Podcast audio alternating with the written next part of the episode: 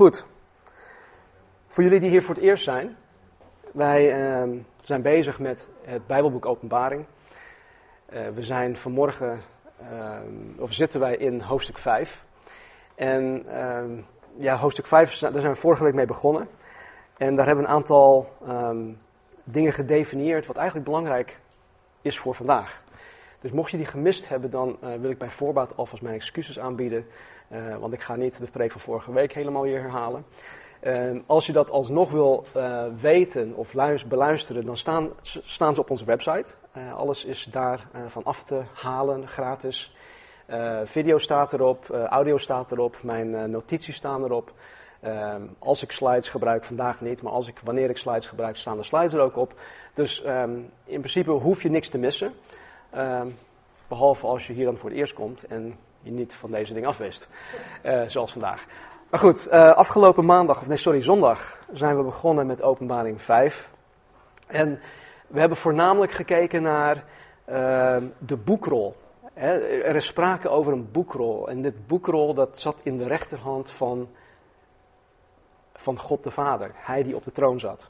We hebben geleerd dat het niet zomaar een boekrol is maar dat het een eigendomsakte van de wereld is.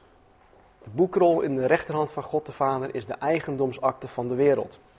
En dat door middel van het openen van de boekrol, Jezus, de rechtmatige eigenaar van de wereld, de wereld weer in zijn bezit zal krijgen.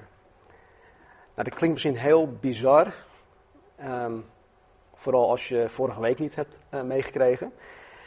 Maar ja, daar gaat het uiteindelijk om. Nou, naar aanleiding van de studie van afgelopen week kreeg ik van iemand uit de gemeente een hele goede vraag. En uh, die vraag wil ik ook met jullie delen. Maar voordat, we, voordat ik dat doe, wil ik nog even de eerste vijf versen lezen, zodat jullie weten waarover het gaat.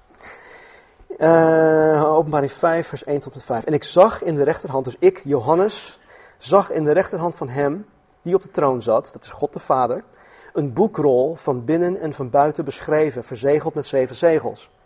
En ik zag een sterke engel die met luide stem uitriep: Wie is het waard de boekrol te openen en zijn zegels te verbreken?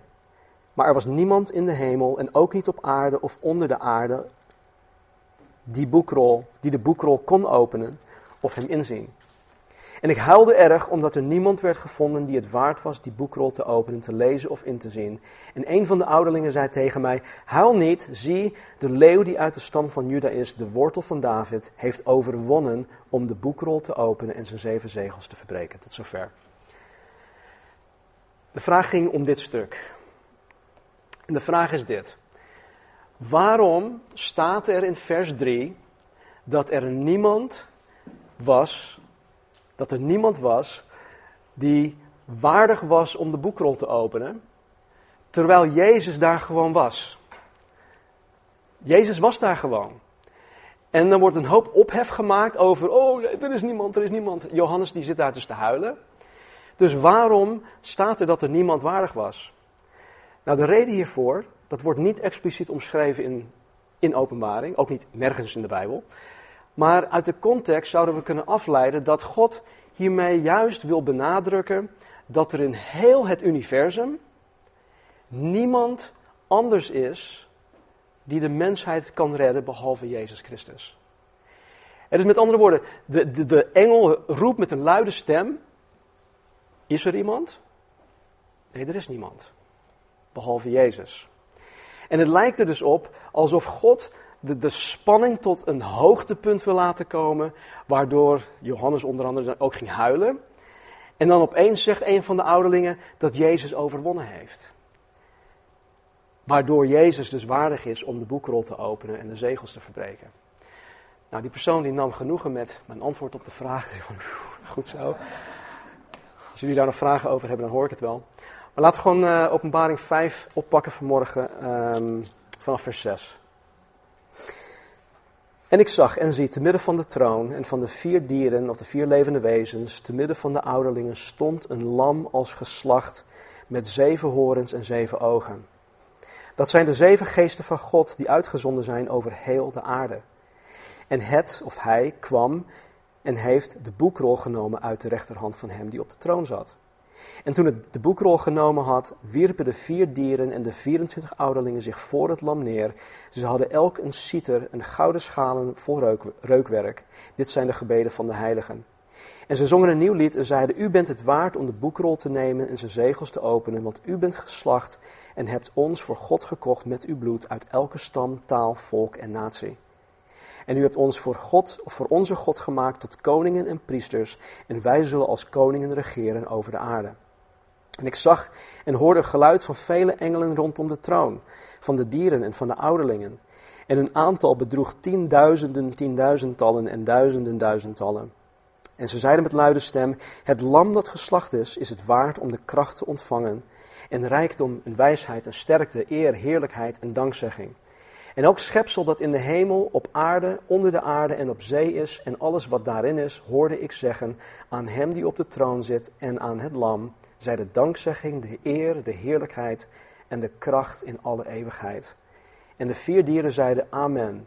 En de 24 ouderlingen wierpen zich neer en aanbaden hem die leeft in alle eeuwigheid. We gaan er nu een stuk rustiger doorheen. In vers 5 zegt de ouderling tegen Johannes om niet te huilen, omdat de leeuw die uit de stam van Juda is, overwonnen heeft. Het maakt voor, voor ons waarschijnlijk niet zoveel uit, maar in de grondtekst staat er, hij heeft overwonnen de leeuw uit de stam van Juda. Met andere woorden, de nadruk ligt over het overwinnen. En daar in de grondtekst beginnen ze daarmee. Hij heeft overwonnen. De leeuw wordt in het Oude Testament meer dan 90 keer genoemd. Meer dan 90 keer. En de leeuw vertegenwoordigt in het Oude Testament verwoesting. Het vertegenwoordigt kracht en macht en vrijmoedigheid. In Hosea 5:14 staat dat de leeuw verscheurt, dat de leeuw verslindt. In Richteren 14:18 spreekt de Bijbel over de kracht en de macht van de leeuw. In Spreuken 28:1 spreekt de Bijbel over het zelfvertrouwen en de vrijmoedigheid van de leeuw. Vooral van een, jonge leeuw.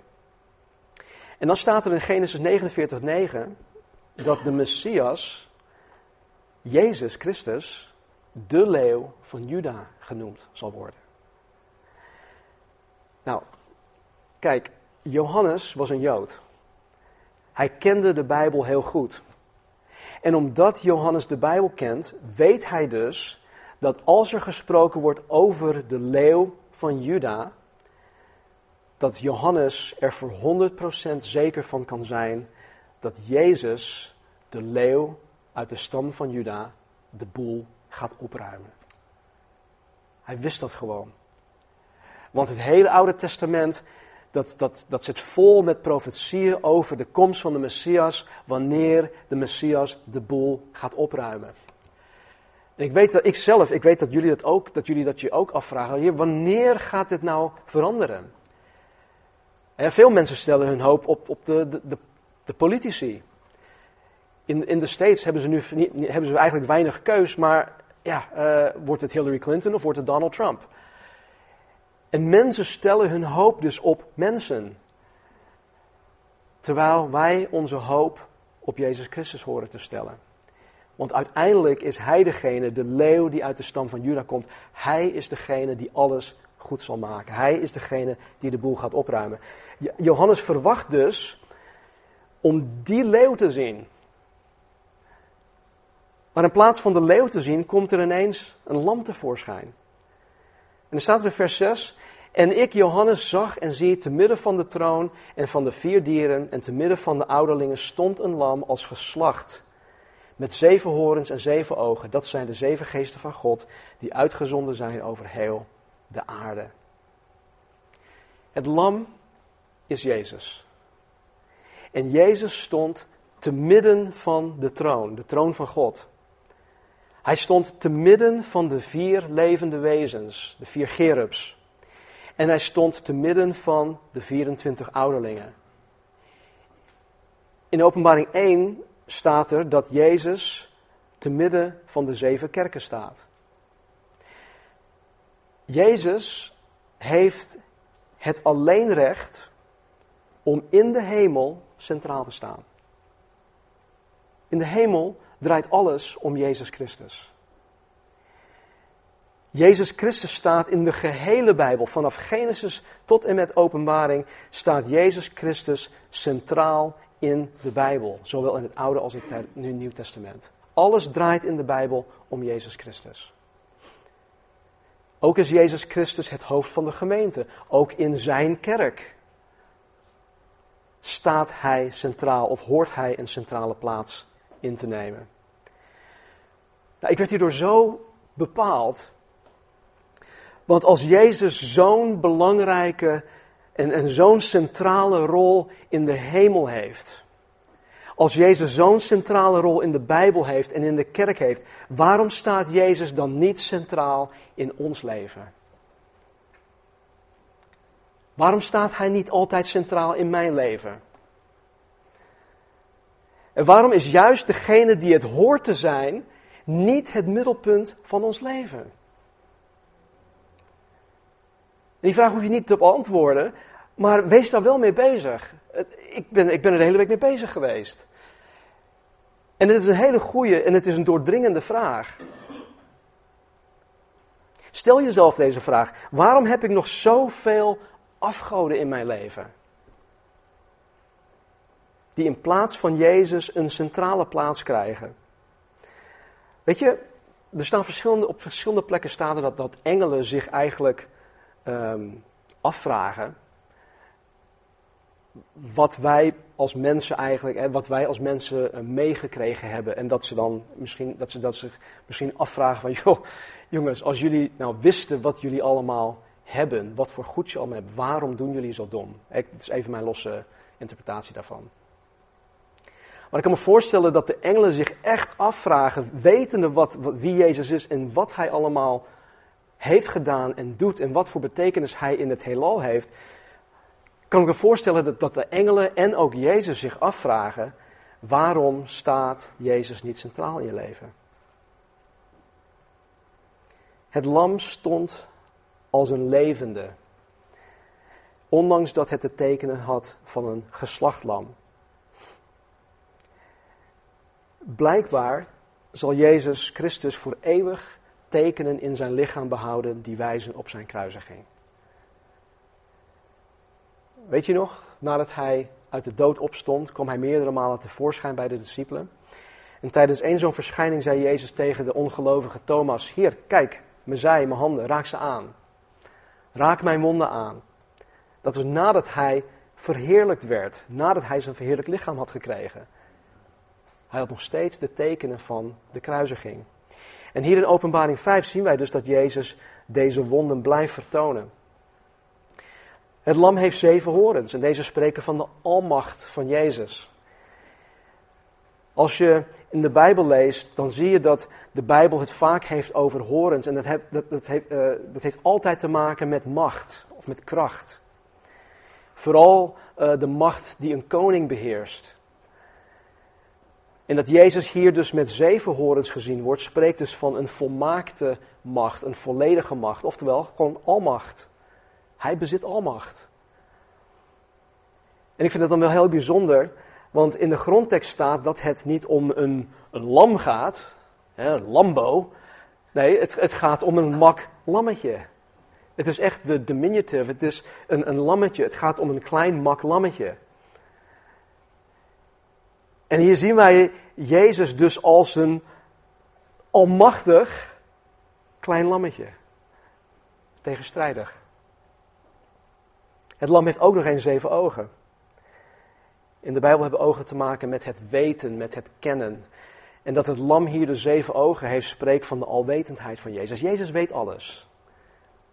Niets is verborgen van Jezus. Dus als je denkt dat je geheimen hebt, sorry.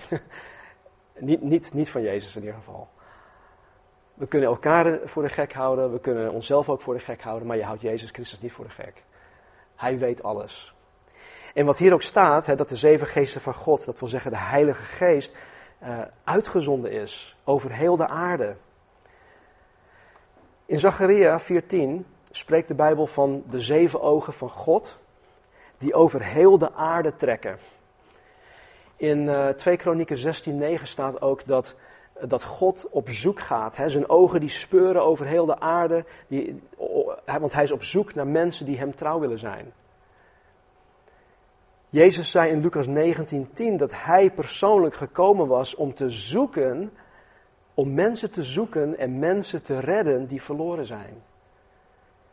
Dus God is vanaf het begin al op een search and rescue mission om mensen te zoeken, om op zoek te gaan naar mensen die hij kan redden. Mensen die door hem gered willen worden. Het is ook een kwestie van willen. Het is uiteindelijk de Heilige Geest die vandaag de dag nog steeds het werk van Jezus hier op aarde voortzet. Jezus zei in Johannes Evangelie dat hij zou, gaan, hij zou vertrekken. Jezus zei, ik ga weg, maar ik zal een andere, een parakletos, die is, die, die is net zoals ik, zal ik naar je toesturen. Die het werk zal voortzetten. En de Heilige Geest is nu nog steeds op zoek naar mensen die Jezus Christus in hun leven centraal willen stellen. Weet je, ik ben zo dankbaar hè, dat, dat, dat Jezus mij gevonden heeft. En dat hij mij gered heeft. Ik denk regelmatig nog terug naar, naar hoe ik was voordat ik Jezus Christus heb leren kennen. En dat doe ik bewust, want ik wil weten waar ik vandaan ben gekomen. Ik wil weten, hé, hey, uh, die lastige mensen waarmee ik nu praat, hallo, jij was net zo lastig, Stan.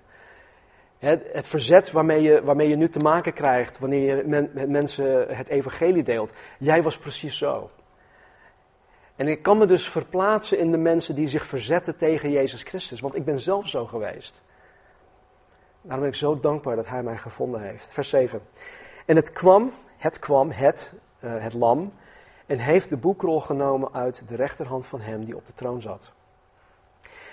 Jezus Christus, het geslachte lam, de leeuw die uit de stam van Juda is, hij nam de boekrol uit de rechterhand van God de Vader.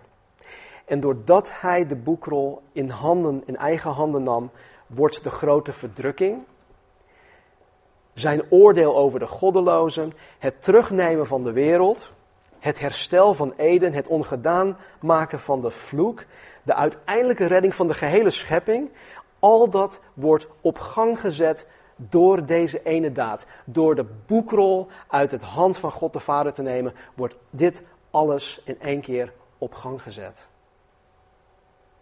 Dit is het moment waar de gehele schepping al duizenden jaren lang op gewacht heeft.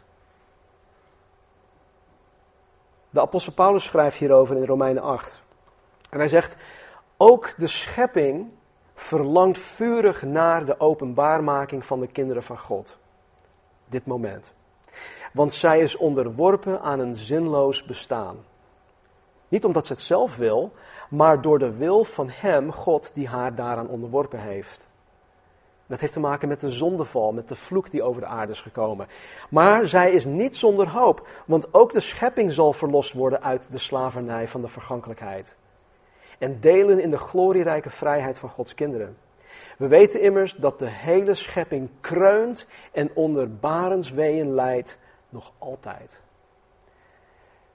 Dus het is niet alleen ik die zegt, oh Heer, kom alsjeblieft spoedig. Maar heel de schepping die kruint als het ware onder barensweeën op het, voor het moment dat Jezus Christus alles weer terug zal nemen. En wetende dat, dat dat moment van verlossing is aangebroken, gaat de hemel helemaal uit haar dak. Het is hè, dit. De hele hemel die gaat gewoon uit haar dak. Want er staat hier in vers 8, en toen het de boekrol genomen had, wierpen de vier dieren en de 24 ouderlingen zich voor het lam neer. Ze hadden elk een citer of een harp en gouden schalen vol reukwerk. Dit zijn de gebeden van de heiligen. De respons hierop, dus op het uit handen nemen van de boekrol van God, dat Jezus dat deed, het respons hierop was dat zij zich uit ontzag voor het lam zich neerwerpen in aanbidding neerwierpen. Ja. Taalkundig gezien hebben alleen de 24 ouderlingen elk een citer en een gouden schaal vol reukwerk in handen. Het gaat hier dus niet om de, ehm, de vier dieren of de vier levende wezens. Alleen de, de, de 24 ouderlingen hebben dat. Nou, een citer, dat wordt ook wel een harp genoemd. Dat is een strijkinstrument. Hier zien wij dat de 24 ouderlingen die de kerk vertegenwoordigen, muzikaal zullen zijn. Wij zijn niet allemaal muzikaal nu, toch? Of wel? Nee. Anders zouden we geen tekort hebben aan een aanbiddingsteam.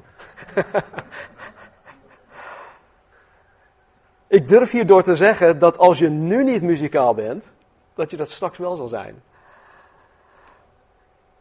Weet je, in het Oude Testament ging het spelen van een harp soms gepaard met het profeteren van het woord van God. Dat zie je bijvoorbeeld met, bij, um, in, in Samuel en ook in, op andere plekken in Koningen. Het kan dus zijn dat het bespelen van deze citers of harpen door de kerkleden, die nu al in de hemel zijn, dat dat, dat symbool staat voor alle profetieën uit de Bijbel die op dit moment, het moment waarin Jezus de boekrol in handen krijgt, in vervulling gaan. Heel veel oud-testamentische profetieën duiden op dit moment. Die verwijzen naar dit moment. Die verwijzen naar de vervulling van wat er nu gaat gebeuren. Dus het kan zijn dat, dat zij die harpen, die citus in handen hebben, dat dat, een, dat dat symbool staat voor de oud-testamentische profetieën die op dit moment in vervulling gaan.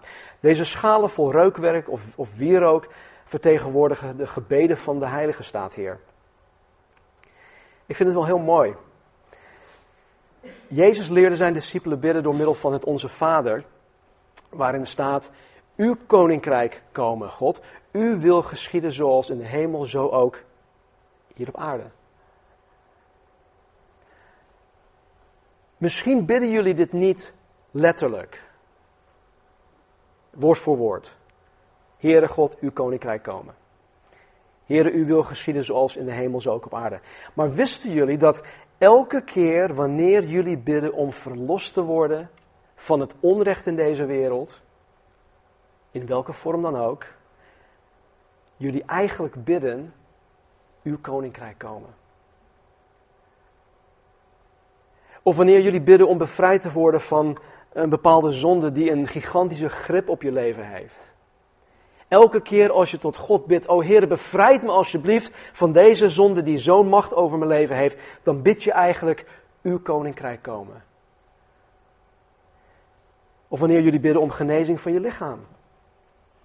Of wanneer jullie bidden om herstelde relaties. Of wanneer jullie bidden omdat je te maken hebt met die baas van jou. Of de Belastingdienst. Of de overheid. Of zelfs met je, dat je met je familie te maken hebt. Elke keer wanneer je over dat soort dingen bidt, bid je eigenlijk uw koninkrijk komen. Elk gebed dat vraagt om de rechtvaardigheid van God. Elk gebed dat vraagt om herstel, elk gebed dat vraagt om het goede, is als het ware een gebed dat vraagt, o Heer, uw koninkrijk komen, uw wil geschieden zoals in de hemel, zo ook op aarde. Die schalen vol reukwerk die de gebeden van de heilige vertegenwoordigen, bevatten al deze gebeden. En al deze gebeden zullen verhoord worden. We hebben de afgelopen twee dagen, of twee woensdag en uh, twee woensdagavonden besteed aan gebed. En we, het, um, we doen dat nu anders. Anders in de zin dat we nu ook gericht voor bepaalde dingen gaan bidden. Voorheen was het zo dat we kwamen samen op gebed, we spraken over de gebedsverzoeken en dan gingen we ervoor bidden. Nu is het zo, oké, nu, nu nemen we, we hebben een uur van gebed, nu nemen we de eerste 20 minuten, een half uur, dan bidden we voor tante Sjaan en oom Piet en haar hond en dit en dat. Dat soort zaken. Vervolgens um, zegt Casper dan, nou laten we specifiek voor deze dingen gaan bidden.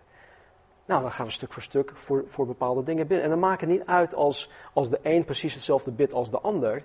Het gaat erom dat er gebeden voor wordt. En het is zo mooi hoe wij dan de afgelopen twee woensdagavonden. Uh, ja, met, met, met, met, uh, met één stem, één, één, eenparig en gewoon uh, eensgezind die gebeden naar God toe hebben geworpen. En ik geloof echt dat wat wij op de woensdagavonden doen, eigenlijk in al onze gebeden, dat deze hier ook in zitten, in die schalen. Weet je, veel van onze ehm, ehm, gebeden worden aan deze kant van de eeuwigheid al verhoord. Praat maar met elkaar. Waar hebben jullie de laatste tijd voor gebeden? Nou, er zijn zoveel gebeden die reeds verhoord zijn. Elke, elke dag, elke week worden er gebeden verhoord. Maar sommige, denk ik, geloof ik, worden als het ware in een soort kruikje bewaard voor het juiste moment. En misschien bidden wij, Heere, uw koninkrijk komen, uw wil geschieden in de hemel zoals ook op de aarde. Of andersom. Weet je, dat, dat die pas verhoord worden op dit moment. En daarom gaat de hemel helemaal uit haar dak. Dus de vier levende wezens, de 24 ouderlingen, aanbidden Jezus. Ze aanbidden het geslachte lam. En symbolisch dragen ze alle profetieën en gebeden naar Jezus toe. En nu komt dit, vers 9. En ze zongen een nieuw lied en zeiden: U bent het waard om de boekrol te nemen en zijn zegels te openen, want u bent geslacht en hebt ons voor God gekocht met uw bloed, uit elke stam, taal, volk en natie. Taalkundig worden in dit vers de vier levende wezens, de gerubs, uitgesloten. De zij die hier genoemd worden zijn de 24 ouderlingen. En de 24 ouderlingen vertegenwoordigen de opgenomen kerk, de heiligen, bij ons. En zij, zij zongen een nieuw lied in aanbidding van het lam die het waard is om de boekrol te openen en de zegels te verbreken. Nou, wat Jezus waardig maakte om de boekrol te openen was dat hij geslacht werd. 2000 jaar geleden werd Jezus geslacht, hij werd gekruisigd. En door gekruisigd te worden heeft Jezus alle gelovigen voor God gekocht met zijn bloed. En de enigen die dit lied echt gewoon terecht zouden mogen zingen, zijn degenen die door Jezus offer aan het kruis zijn verlossing hebben ontvangen. En dat zijn op dat moment, dat moment van zingen, alle heiligen uit zowel het Oude als ook het Nieuw Testament. Dat zijn wij dus. Wij zingen daar. En wat ons hierin echt het hart van God laat zien, is dat Jezus met zijn bloed, met zijn kostbaar bloed, mensen heeft gekocht of vrijgekocht uit elke stam, taal, volk en natie. Ik denk dat dat, dat dat heel erg goed tot ons door moet dringen. Er staat niet dat Jezus alleen Nederlanders heeft vrijgekocht. Of alleen Surinamers of Antillianen of Indo's of Hongaren of Chinezen of alleen Molukkers. Nee. Hij heeft mensen gekocht uit elke stam, taal, volk en natie. En als God zo over mensen denkt, als God zijn zoon Jezus gegeven heeft om te sterven voor al deze mensen, wie ben ik dan om onderscheid te maken tussen de verschillende etnische achtergronden? Ik heb het niet eens over rassen, want dat bestaat niet in het menselijk ras. Er zijn etnische achtergronden, culturele achtergronden. Weet je, de, de, de ongelovige wereld om ons heen, die maakt onderscheid. Luister maar hoe een, een, een doorsnee Nederlander, vooral de wat jongere Nederlanders, praten over Marokkaanse mensen. Die hebben daar omschrijvingen van. Het zijn niet gewoon Marokkanen, nee, het zijn een heel specifiek soort Marokkanen. De wereld die maakt onderscheid daarin. Maar in Gods koninkrijk staat iedereen gelijk. En we horen gelijk te staan. En ik weet dat dat moeilijk is, want het, is, het zit hier gewoon in. Het zit er gewoon in. Marnie zei van de week nog tegen mij dat, het zo, dat zij het zo bijzonder vindt dat God ieder mens rood bloed heeft gegeven. Ik zei, waarom dan? Ja, want stel je voor dat God ook ja, dat soort mens gewoon bruin bloed had gegeven of uh, geel bloed en, en dat mens weer een andere kleur bloed. Nee, God heeft ieder mens rood bloed gegeven. Met andere woorden, we zijn gewoon allemaal mens. Wij zijn allemaal zondaren en we hebben allemaal een redder en verlosser nodig, Jezus Christus. Maakt niet uit wie je bent of waar je vandaan komt. Als christen zijnde is er absoluut geen ruimte voor racisme, want wij behoren allemaal tot het menselijk ras. Vers 10. En u hebt, voor ons, en u hebt ons voor onze God gemaakt tot koningen en priesters, en we zullen als koningen regeren over de aarde. Er komt een moment dat Jezus terugkomt. Dat heet de wederkomst van Jezus Christus. Op dat moment zal hij zijn duizendjarig vrederijk gaan vestigen. Dat betekent dat voor duizend jaar lang hier op aarde Jezus zal gaan regeren. Dan hebben we niet meer met Den Haag te maken. Dan hebben we niet meer met Washington DC te maken. Dan hebben we met Jeruzalem te maken, met Jezus Christus die op de troon zit. En wij die nu wedergeboren zijn, die zullen in ons verheerlijk lichaam met hem terugkomen naar de aarde toe. En wij zullen samen met Jezus hier op aarde regeren. Even een kanttekening. In dit vers staat: En u hebt ons voor onze God gemaakt tot koningen en priesters, en wij zullen als koningen regeren over aarde. In de meeste Nederlandse vertalingen staat hen en zij in plaats van ons en wij.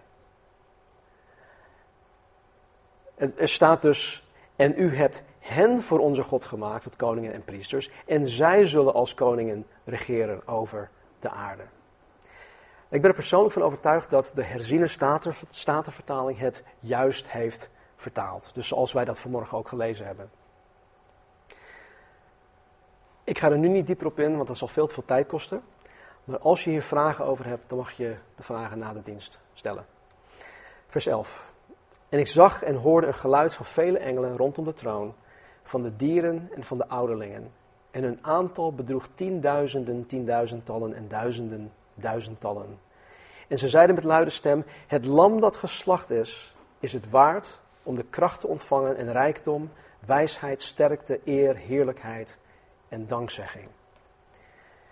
De tienduizenden, tienduizendtallen en duizenden, duizendtallen betekent simpelweg dat het een ontelbare menigte was.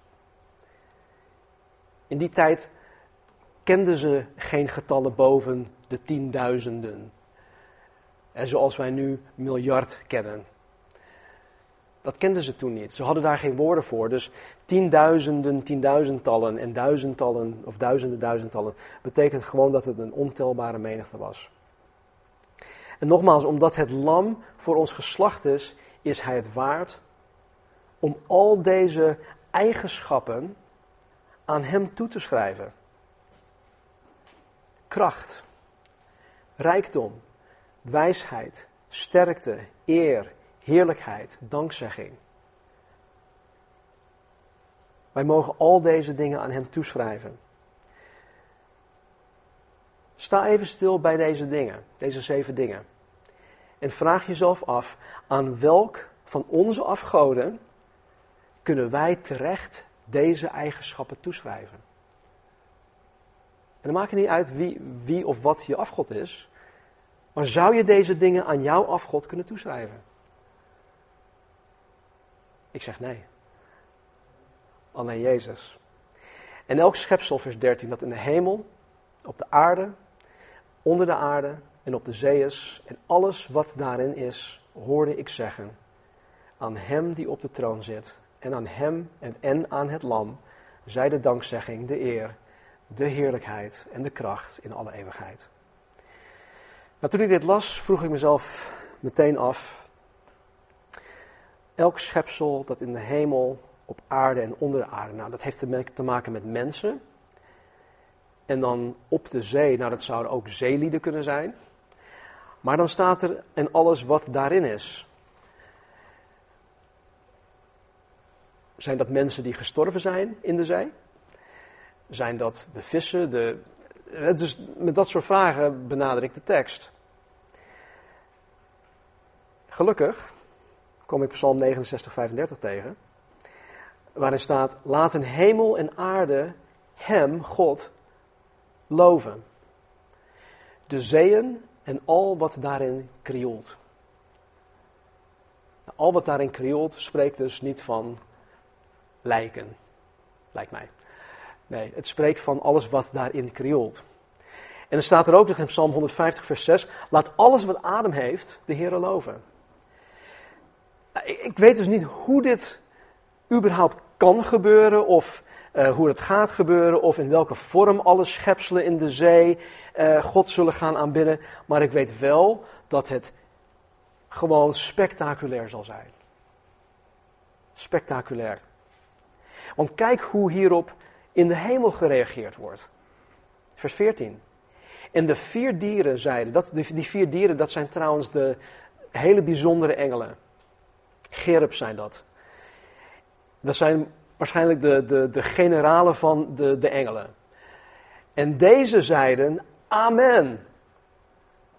Ze zeiden amen op wat de, de hele schepping zei over Jezus Christus.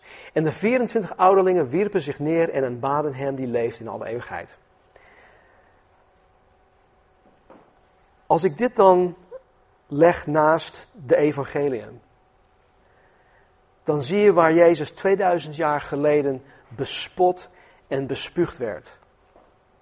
Dan zie je dat Jezus gemarteld werd en op de meest gruwelijke wijze geëxecuteerd werd.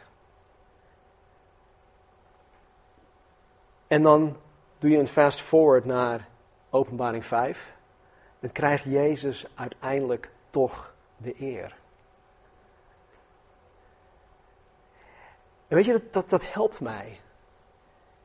Dat helpt mij enorm, want de ellende, de moeilijkheden, de, de bespottingen en, en al dat soort zaken waarmee ik, waarmee wij als christen hier op aarde te maken krijgen, uiteindelijk zullen wij zegen vieren, omdat Christus ons gered heeft. Ik heb, ik heb tegenwoordig echt poep aan wat mij overkomt. Het zal me echt een worst wezen wat mensen van me zeggen, wat ze van me denken. En dan bedoel ik niet dat ik, dat ik gewoon eh, domme dingen doe. Maar als christen zijnde, als getuige van Jezus Christus, als volgeling van Christus. Het maakt me allemaal niet meer uit. Want ik weet, zoals we in het Engels zeggen. He who laughs last, laughs best. Eindelijk ontvangt Jezus Christus de lof en de eer en de aanbidding en de glorie die hem terecht toekomt. En de vier levende wezens kunnen niets anders zeggen dan alleen Amen.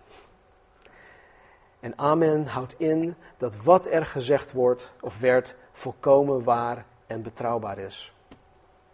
Tot slot dit. We hebben hier gezien dat Jezus Christus de enige echte God is. Onder andere omdat hij dezelfde eer krijgt die God de Vader krijgt. We hebben gezien dat geen enkel ander mens of engel of wat voor wezen dan ook in heel het heelal in staat is om de mensheid te redden van zonde en dood. We hebben gezien dat er geen enkel ander mens is om de goddelozen die Jezus haten te kunnen veroordelen. Er is niemand om de schepping te herstellen naar haar, of in haar oorspronkelijke staat, zoals het in Ede was. Alleen Jezus Christus is in staat om dit te doen. Niemand anders. Dus laat je niet misleiden door allerlei hele mooie verhalen dat, dat alle godsdiensten uiteindelijk toch allemaal dezelfde God kennen en dienen. Uh, zoals ehm, volgens mij heeft de, de paus dat recentelijk nog gezegd en, en, en, en zelfs vastgelegd. Of dat alle wegen naar Rome leiden, alle wegen leiden ook naar de hemel toe. Nee, er is maar één. Het is heel nauw. En mensen zullen, ook, zullen je ook heel bekrompen vinden. Maar dit is wel de waarheid. En het is goed om mensen juist de waarheid te vertellen. Anders worden ook zij misleid en blijven misleid. En het is om deze reden dat Jezus het waard is om in de hemel, in de kerk en in de Bijbel centraal te staan. Het is om deze reden dat Jezus het middelpunt is.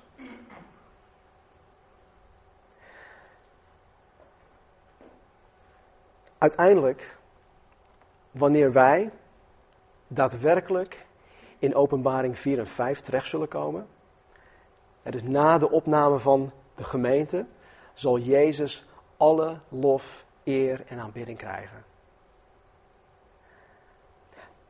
Nog één vraag.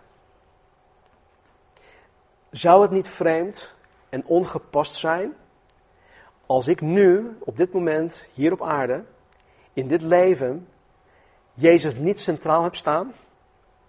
Jezus niet met heel mijn hart, ziel, kracht en verstand lief heb? Jezus niet de lof en de eer en de aanbidding geef? Maar dan op het, maar dan op het, moment, het moment dat ik in openbaring 4 en 5 aankom, dat ik dan opeens helemaal uit mijn dak ga voor Jezus?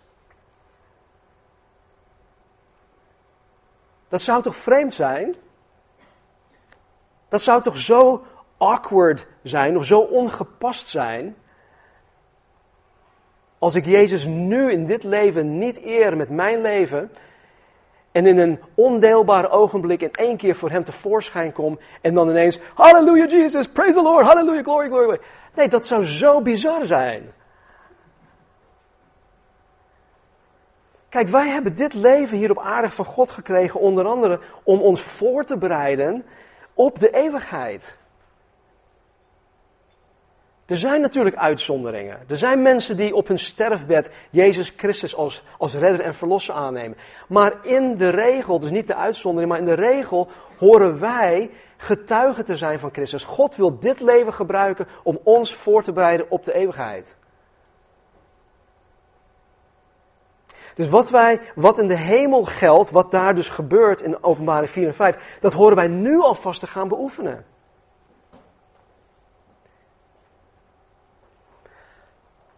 Ik weet dat wij heel veel meegekregen hebben, althans, ik, ik geloof dat, om over na te denken. En misschien voelen sommigen van jullie je, schuldig over het, ja, het nalaten van bepaalde dingen. Maar weet je wat het mooie is? Vandaag mogen wij met een schone lei beginnen. Wij mogen vandaag gewoon weer opnieuw met een schone lei beginnen. We vieren het heilig avondmaal, waarin wij de kruisiging van Jezus Christus herdenken. In vers 6 zien wij Jezus als het geslachte lam. In vers 9 zien wij, uh, of zingt de kerk een nieuw lied waarin ze zegt dat Jezus voor de kerk geslacht is, voor ons geslacht is. En dat hij de kerk voor God gekocht heeft met zijn bloed. Dat staat vast, hè? Dat, is, dat is al klaar. Daar kunnen wij niks aan veranderen. In Efeze 1, 7 zegt Paulus, in hem, in Christus, hebben wij de verlossing door zijn bloed. De vergeving van de zonde, dankzij zijn rijke genade. Nou, om in aanmerking te komen voor Gods vergeving, om in aanmerking te komen voor het eeuwig leven, om in aanmerking te komen om, om toegang te krijgen tot openbaring 4 en 5, moeten we eerst tot het besef komen dat wij zondaren zijn. Dat wij niet volmaakt zijn volgens Gods maatstaven. En we moeten ons niet meten met onze eigen maatstaven of met andere mensen, tegen andere mensen. Nee, God heeft bepaalde maatstaven en Hij zegt dat wij volmaakt moeten zijn. En geen van ons is volmaakt, dus we hebben Gods plan daarvoor nodig. En Gods plan zegt: Oké, ik ruil mijn volmaaktheid in voor jouw rotzooi. Ik neem jouw onvolmaaktheid, ik neem jouw rotzooi, jouw zonde, neem ik allemaal op mij. En daarvoor, in, in ruil daarvoor geef ik jou mijn gerechtigheid, mijn volmaaktheid. Vervolgens moet je met al je zonden, met al je zooi naar God toe gaan. Door tegen hem te zeggen dat je bekend een zondaar te zijn. Dat je er spijt van hebt. Dat je echt berouw hebt. Niet dat je berouw hebt dat je betrapt bent. Nee, maar dat je echt berouw hebt over wat je gedaan hebt en wie je bent. Dat je een zondaar bent, dat je spijt hebt. En dat je je dan bekeert van het zondig leven dat je nu leidt. Dat wil zeggen dat je nu gewoon vanaf dit moment helemaal voor God gaat leven. Je vraagt God gewoon simpelweg om vergeving. Je vraagt God om vervuld te worden met zijn Heilige Geest. Je geeft jezelf volledig aan Hem over. Je geeft de regie van jouw leven over aan God. Zo simpel ligt dat. Het is eigenlijk niet zo moeilijk. Maar we zitten onszelf zo vaak in de weg. Laten we bidden. Hemelse Vader, dank u wel dat u zo geweldig goed bent voor ons. Dat u zo ver bent gegaan, heren. Om ons te redden. Om de vloek ongedaan te maken. Om alles weer te herstellen. Om alles nieuw te maken. Dank u wel, Vader, dat u ons opgezocht hebt. Heer, voor sommigen van ons hier in de zaal geldt dat misschien nog steeds. Dat u uw ogen, heren, op hun hebt. Dat u uzelf aan hen kenbaar probeert te maken. Dat u uw redding, heren, aan hen bekendbaar uh, probeert te maken. O Heere, stel in ieder van ons, Heere, open voor wie u bent. Voor uw reddingsplan, voor uw heilsplan. Dank u wel dat wij vanmorgen ook het heilige avondmaal mogen vieren. Dank u wel dat wij allemaal gelijk staan in uw economie. Heren, dat wij niet, dat de een niet beter is dan de ander. En dat het heilige avondmaal eigenlijk um, ja, een, een soort van gelijkmaker is, heren. We, staan allemaal in, we zitten allemaal in hetzelfde schuitje. Geen een van ons is beter dan de ander. Dus heer, als er iemand is die zich nog niet heeft aangemeld, heren, bij u als, als kind van God. Heren, beweeg het hart van die persoon, van die personen, heren, om zich vandaag volledig aan u over te geven. En heren, voor de rest van ons, help ons om u, Jezus, als het middelpunt in ons leven te hebben staan. Heren, dat u centraal zal staan in alles. Op alle gebieden van ons leven. Heer, gooi ons leven overhoop. Doorgrond ons, Heer. Laat ons zien de plekken en de dingen die, die nog opgeruimd horen te worden. Opdat we getuigen mogen zijn voor u. Opdat we mogen aan de wereld mogen laten zien, Heer, dat u zo ver bent gegaan om de mensen te redden. Dank u wel, Heer. Laat geen enkel persoon hier vanmorgen ook weggaan zonder u ontmoet te hebben. Dank u wel. Amen.